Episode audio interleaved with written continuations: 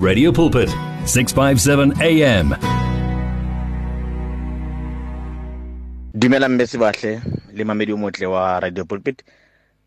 Eh this morning or this afternoon ke rata fela go kena ka mantswe a magutshwanyane don't walk along with Christ but walk in Christ.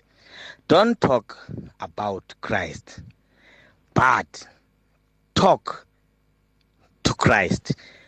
Buka ke a Luke 8 43 to 40 to 48 mme se batle re kile ra bua ka this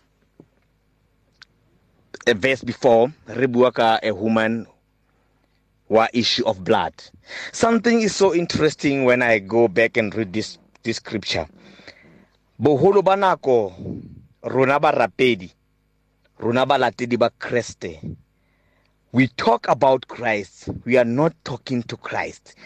Ha ke sheba this verse i don't know how many kilometers tseo kreste a di tsamaileng gore a tle a fihle to the area or to the point where this woman wa the issue of blood a neng a le mo yone because obviously o ne a betse thoko. O ne a sa kopane le batho but that means christ o ne a tlamehile a fete mo a neng a le teng. But how many kilos kapa distance kae? Go na le ntho nngwe e fitlhang pele ya ke potsa kereng whatever when he comes the bible say batho ba ne ba mo potapotile. People were were walking along with christ not walking in christ. Me ba ne ba bua ka kreste. Possibility gore ba ne ba tsamaya mo ama even this garment e teng but the issue mona ke gore these people most of the times rona re le batho ba rapelang kreste. We are we are along Christ all the way. We talk about Christ, but we are not talking to Christ. Why when he came this anointing kore nthem maka gore kubo yo Christ aneng aya pere ha atla to the direction of this woman of issue of blood is the very same garment e mosadi enwa e reng ha e ama aba a thola e healing. Ho gore these people ba ne ba tsama le Christ from whatever kilos or distance towards to this women ba ne ba tsama le anointing and healing. But the thing ke gore most of the times maphelong a rona rona batho ba rapelang or barapedi le balatedi ba kreste we are not talking to him but we are talking about him. We are not walking with him but we just walk along with him. You are not in him you are just along with him. And then maybe maybe maybe the reasons why sometimes when we are in Christ but you cannot get healing maybe because when you are in Christ but you cannot see prosperity maybe when you are in Christ but you cannot see life changings in our lives as barapedi le bazalwane is because of we are not talking to him but we are talking about him. Maybe it's because of we are not walking in him but we are walk along with him.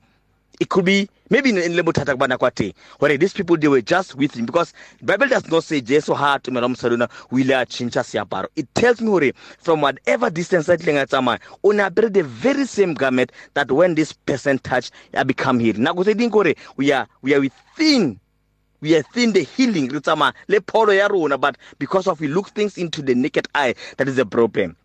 Ke dumela gore these people ha ba ka ba bona jesu ka leihlo la semoya. Ba mmone ka leihlo la senama ba mo thatša ka senama ba bua le yena senameng ba sa bue le yena semoyeng ba mo rapela. That's one of the problem. We are praying christ we are praying god but we pray him with hearts of flesh. Because god says whoever pray god must pray god in spirit. Why? Because god he is a spirit. So now when they come this woman of issue of blood ke nana gore the thing that has made her to her life to change kobane when she looked at Christ maybe she saw Christ in a spiritual way. A mo fetola semoyeng. Ha nagana ka kreste he was a bua ka spirit sa sa moya e seng sa nama. That is why when maybe when she stretch her hand a thatha jesu ha mo ama ka the hand of flesh but she touched him with the hand of faith. Remember, faith is a substance of things hoped for, not things that we can see with our eyes and we can feel, uh, we see and touch. Now, what I'm saying hore ha re le barapedi re pela Kriste re tsamaya le kreste ka mehla. We are talking about christ but now do we talk to christ? Ke pelo e feng eo e sebedisang ha o rapela modimo? Do you use your own mind your own wisdom to talk to god? Or do you do you allow god to to, to turn you around ube in spirit in order to speak to father who is in spirit. Mantswe ka ke a bonolo. Ye mo le monya buang le modimo ha bue le modimo ka semoya obane modimo ke semoya. This is a spiritual gift of discernment e modimo re fileng yona. Ha re sebediseng ha modimo a re tlotse ka mohaule ka mosa wa hae. We walk we walk along with him. Let us walk in him. We talk about him. Let us talk to him. In the cry in the beautiful uh, name of the father the son and holy spirit. Ha modimo a le hlona lefatshe jwalo ka sa fileng ka tswele matla mo le kona kristo morena. Amen. Amen. Re leboga eh moruti si Sean Setlari hey isikhathi siyagijima bazalwane. Ithike ngenze kanje and uma ngibuya ngizobeke ngino Bongani Zwane the author esithulela ke imotivation kululusuku It's difficult to face the overwhelming pressures of life alone. Sometimes we just need someone to talk to, someone to listen to us And what better way to do that than through a quick and easy WhatsApp text? Whether you're having a hard time coping with school, family issues, being bullied, depression, or anxiety, speak to someone who cares today. Send a WhatsApp message to 064 530 6805 or 074 995 9085 Our I Am Youth Counseling team, Charles Dudoy and Danny Vambili, are ready to connect with you today. Get your daily bread, but also your faith in practice. It's 657 AM. The sounds of your life.